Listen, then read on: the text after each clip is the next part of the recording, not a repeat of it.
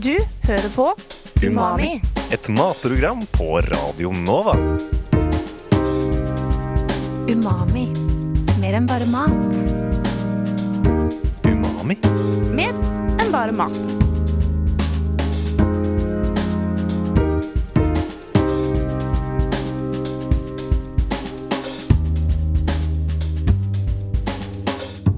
Umami? Mer enn bare mat? Hallo, du hører på Umami og Radio Nova. Og du hører også kanskje på verdens koseligste og hyggeligste matprogram, i mine ører i hvert fall. Det var kanskje litt eh, store ord å fylle, så det skal jeg selvfølgelig da ikke gjøre alene. For i tillegg til meg, Sara Krugre Berntsen, så har jeg med meg Sigrid Borge. Og ikke minst Hele Norges Henrik Evensen er til stede. Ja, ja, ja, ja. En god gjeng i studio. Har dere det bra? Veldig. Ja, Frigg? Noe Som nytt vanlig. på uh, matfronten?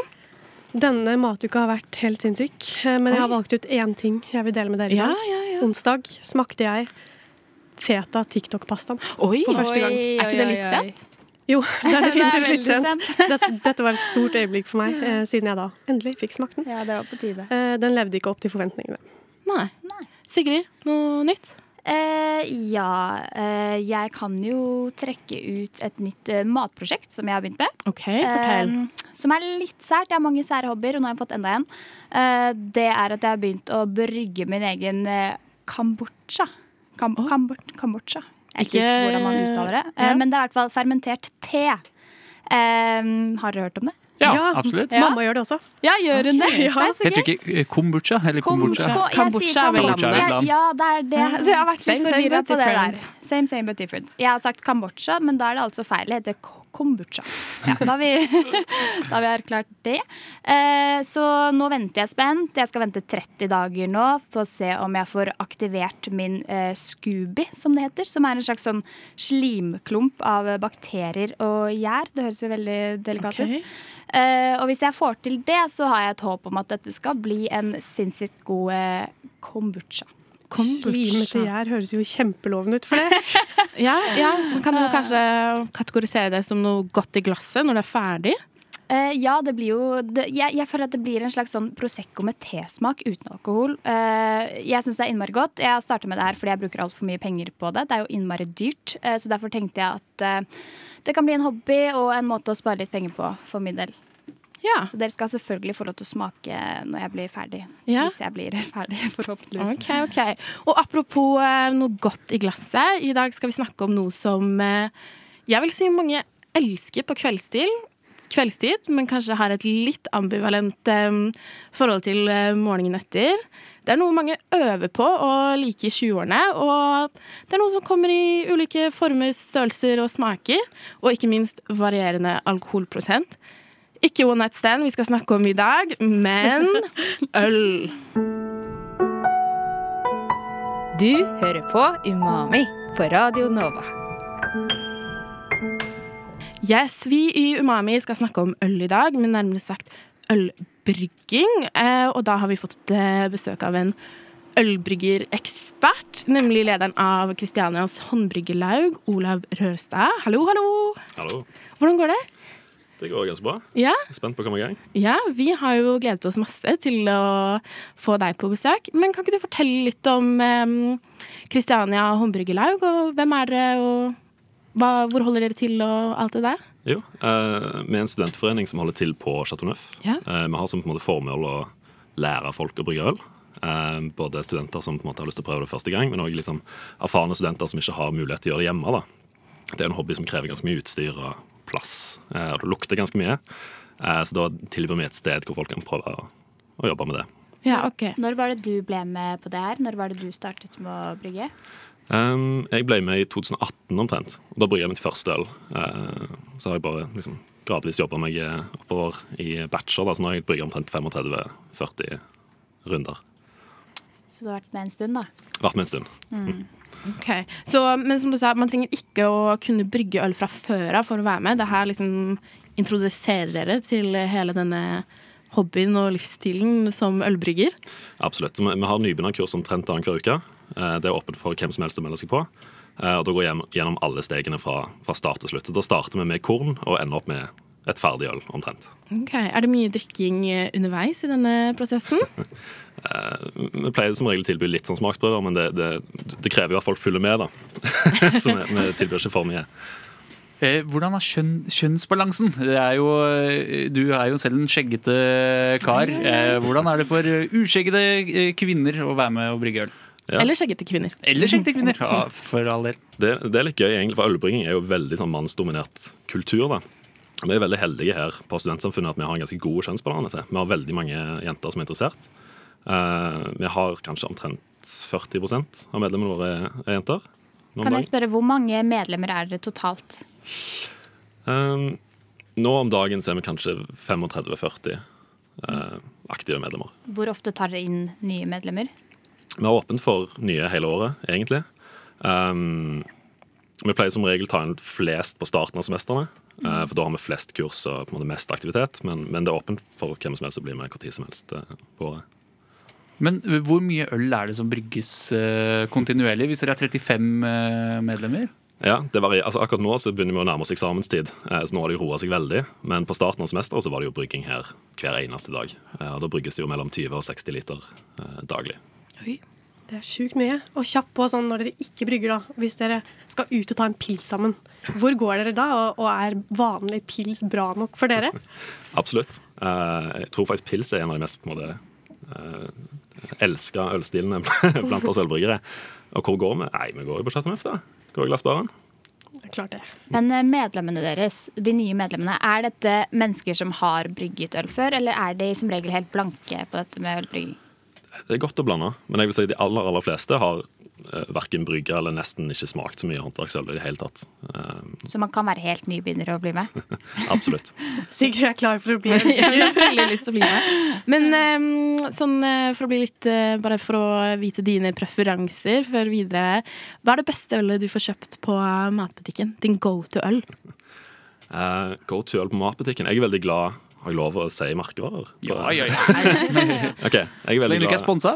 Eller er det det? Jeg er ikke sponsa. Eh, jeg syns Larvik har en veldig god eh, Red Ale som det heter Hoppy Joe. Den synes jeg er veldig fin. Um, Nøgne Ø har veldig mange gode butikker. Um, og pils. Ja. jo. Den Alle liker pils. Ja. Men pils sliter jeg litt med å finne en favoritt. Er det liksom Ås, Ringnes eller noe annet som gjelder? Altså, kanskje jeg snakker på vegne av alle bryggerne, men jeg, jeg er ganske glad i sånn billige pils. Bare øl syns jeg funker kjempebra. Oi, det er kontroversielt å si. Men kan jeg spørre sånn, Har dette endra seg etter du begynte å brygge øl selv? Er det sånn at du nå er mer sånn picky på hvilke øl du kjøper på butikken, og at du har blitt litt sånn ølsnobb? Jeg har blitt litt ølsnobb, kanskje. Eh, en ting som du lærer deg når du brygger øl etter hvert, er jo at du lærer deg usmaker. Eh, det er jo masse masse forskjellige smaksstoffer i øl. Eh, og når du har, på en måte, har brygga litt og smakt på de forskjellige, så klarer du å kjenne det igjen da, i pils. Jeg skal ikke henge ut noen ølmerker, men det er noen ølmerker som, som har ganske mye usmaker. eh, som du klarer å plukke opp etter hvert. da. Kan du ikke være så snill å henge ut noen ølmerker? Jeg blir veldig nysgjerrig nysgjerrig på det. Altså, her, her på Chateau Neuf så er jo pokalen en veldig eh, kjent øl.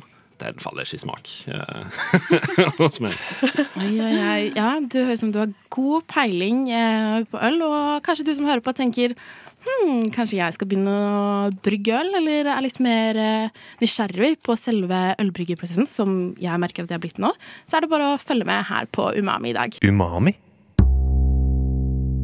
Vi har besøk av ølbrygger Olav Rørstad. Um, og kan ikke du, Olav, ta oss gjennom liksom, denne prosessen av um, reisen fra en ølidé til eh, ferdig drikkeklart uh, produkt? Jo. Eh, det som er liksom utfordrende med øl, som kan virke litt forvirrende for folk uh, sånn i første omgang, er nettopp det at uh, for å lage alkohol da, så trenger gjæren få tilgang til sukker.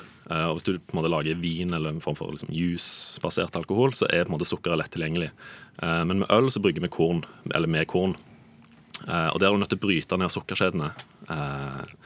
Og jeg skjønner med en gang, Nå kan det fort bli teknisk, her, men jeg skal, jeg skal holde det rolig. Men det som vi er nødt til å gjøre, er at vi er nødt til å meske.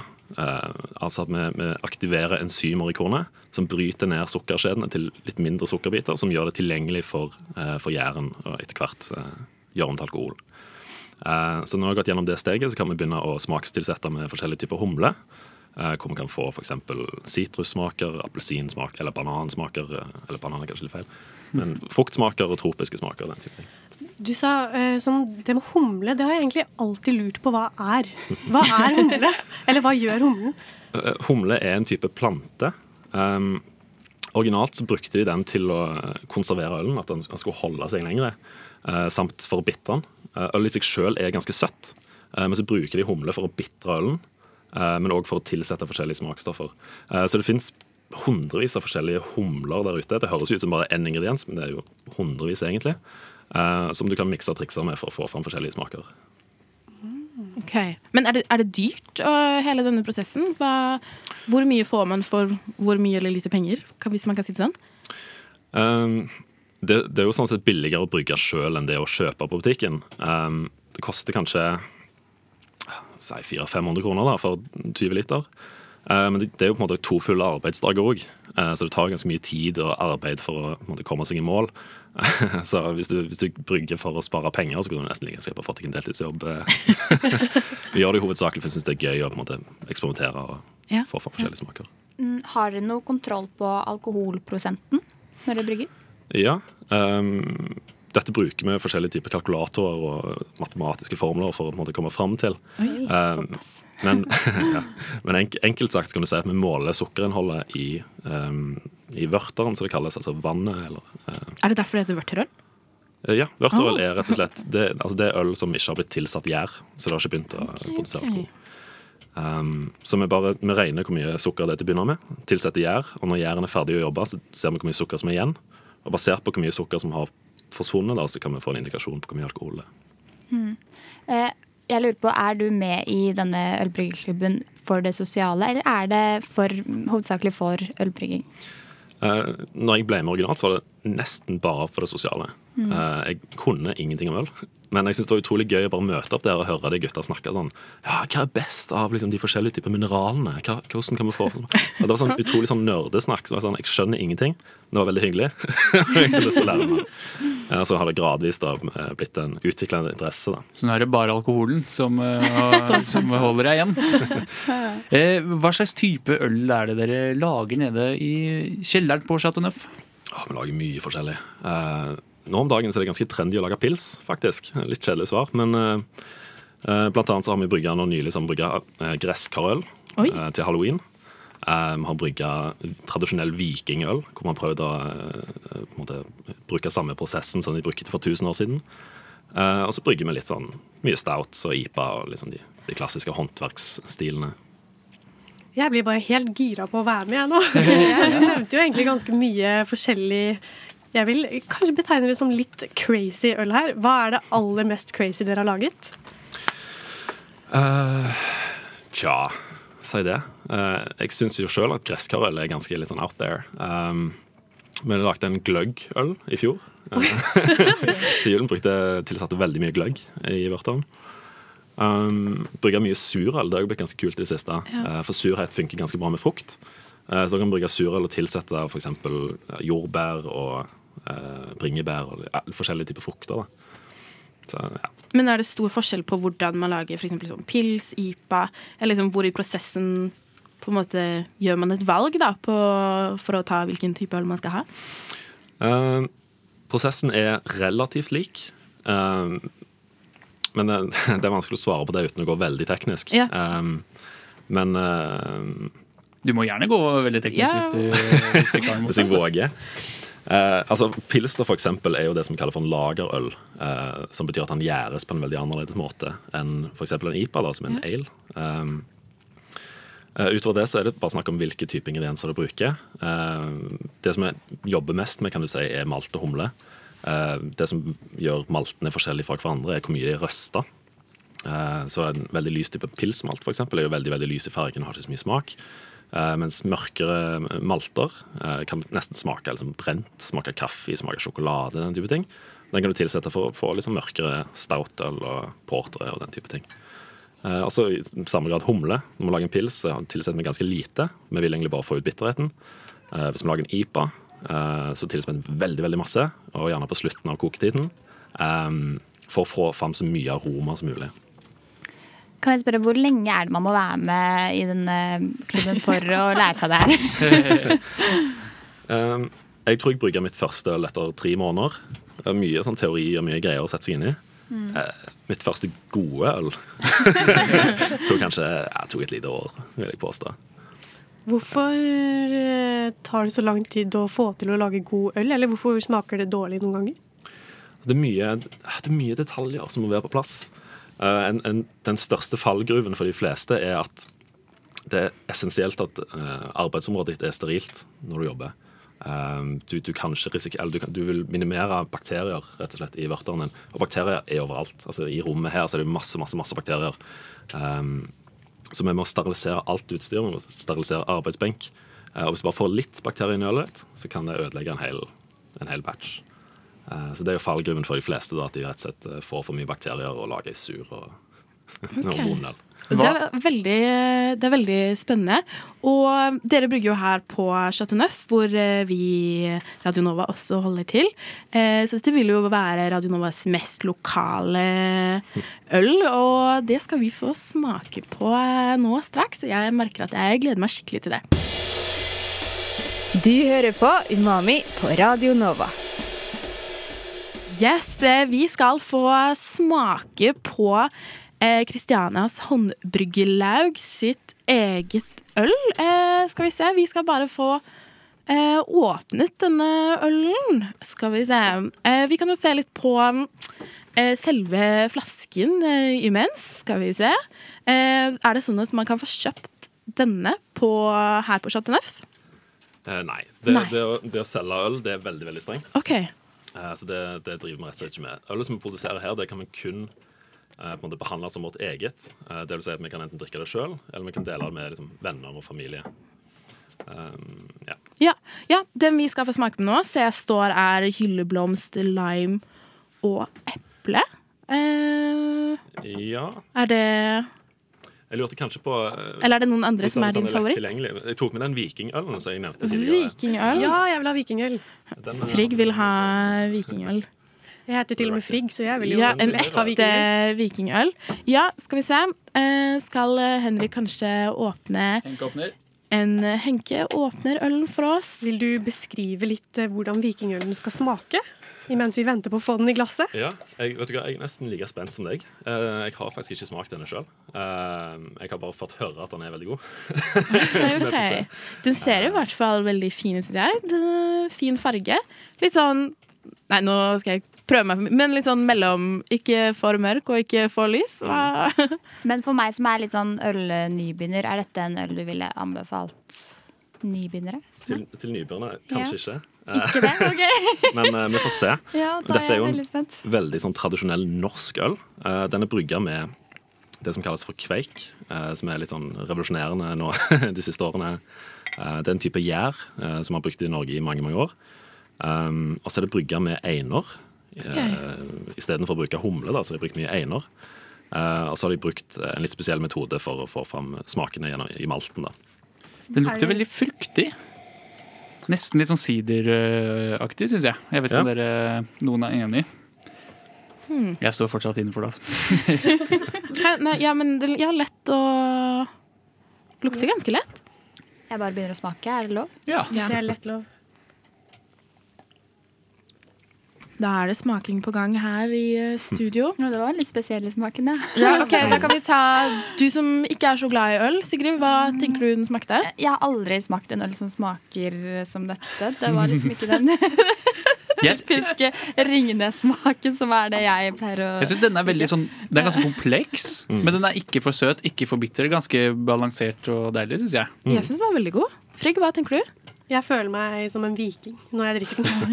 okay. Det river litt liksom på den gode håndbryggede måten. Det er sånn uh, Det er ikke så mykt som en eh, butikkpils, for å si det sånn. Det er noe ja, jeg vet ikke, litt mer eh, ekte. Smakene kommer litt mer fram, rett og slett. Jeg syns det smakte litt mer øl enn vanlig øl, på en måte, hvis det går an å si. Ja, eh, Øleksperten Olav, hva, hva er det vi skal Eller hva er meningen at vi skal smake, holdt jeg på å si?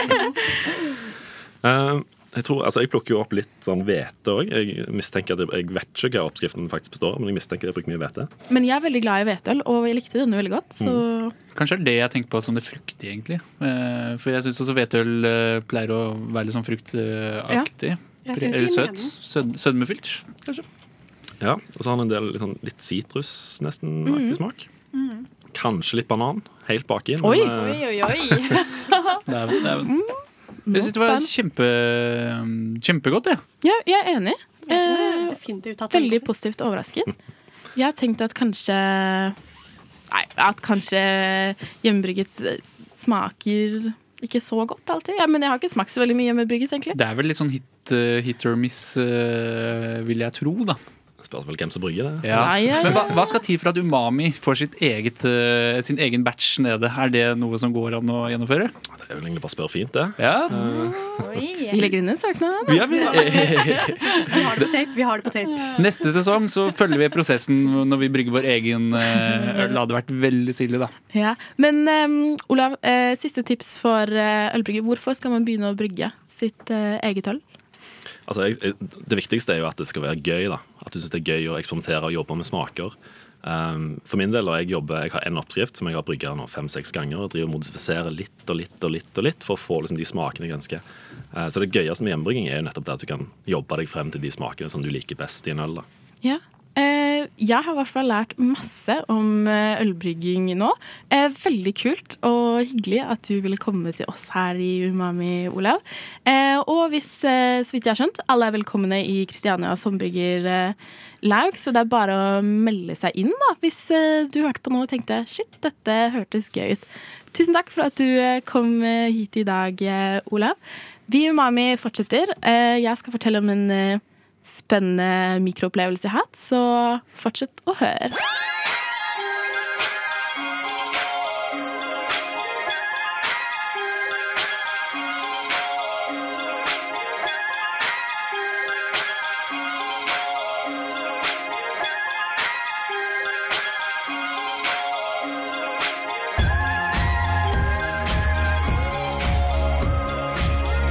Siden 1982 har Radionova gitt deg favorittmusikken din. Før du visste at du likte den.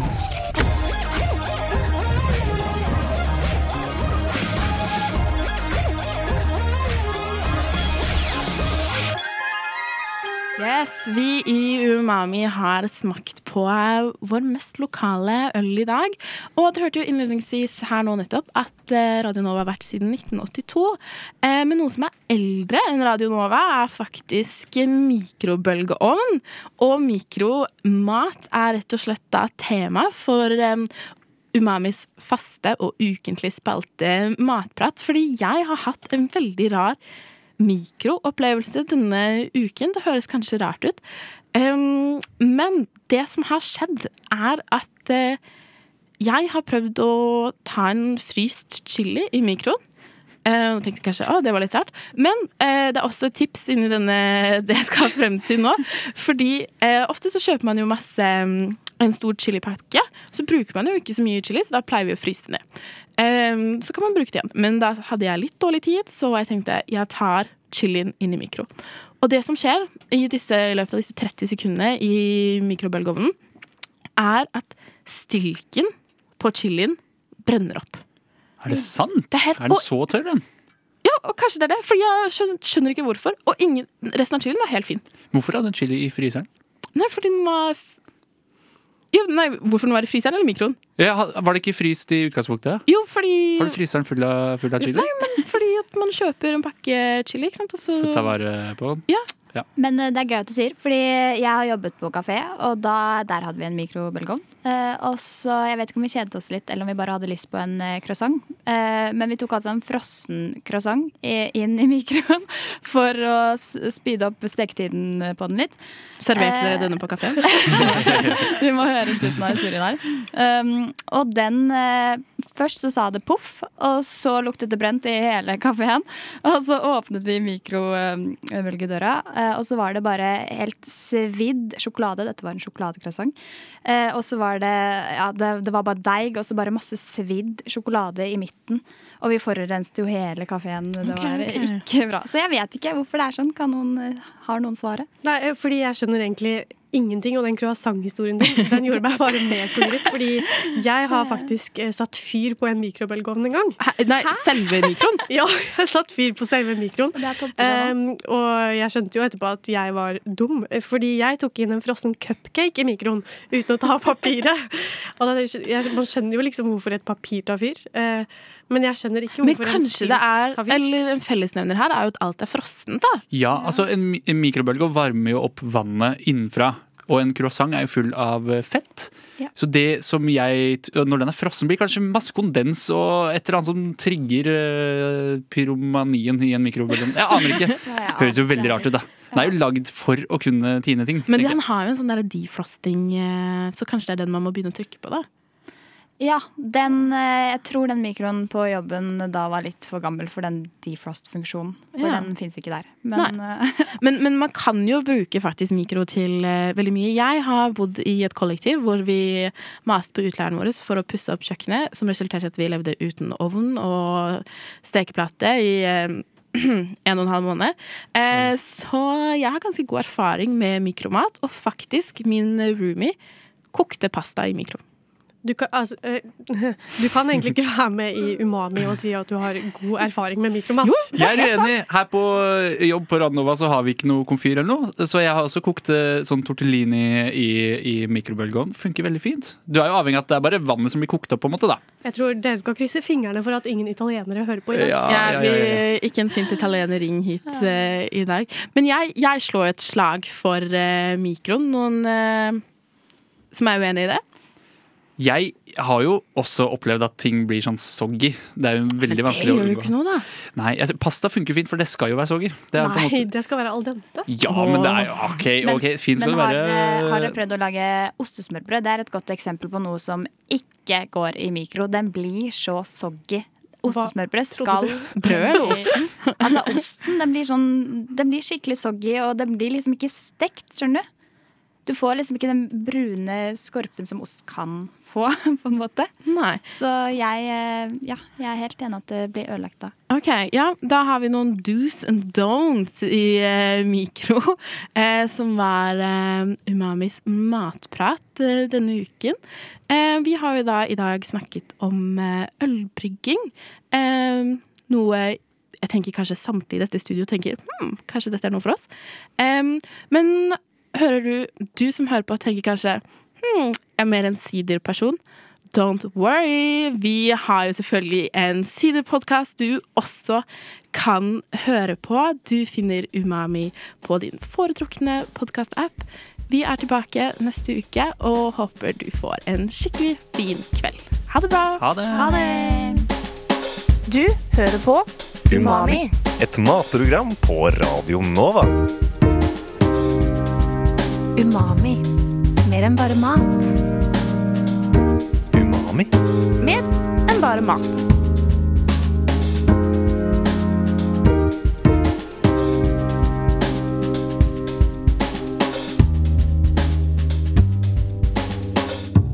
Umami. Mer enn bare mat.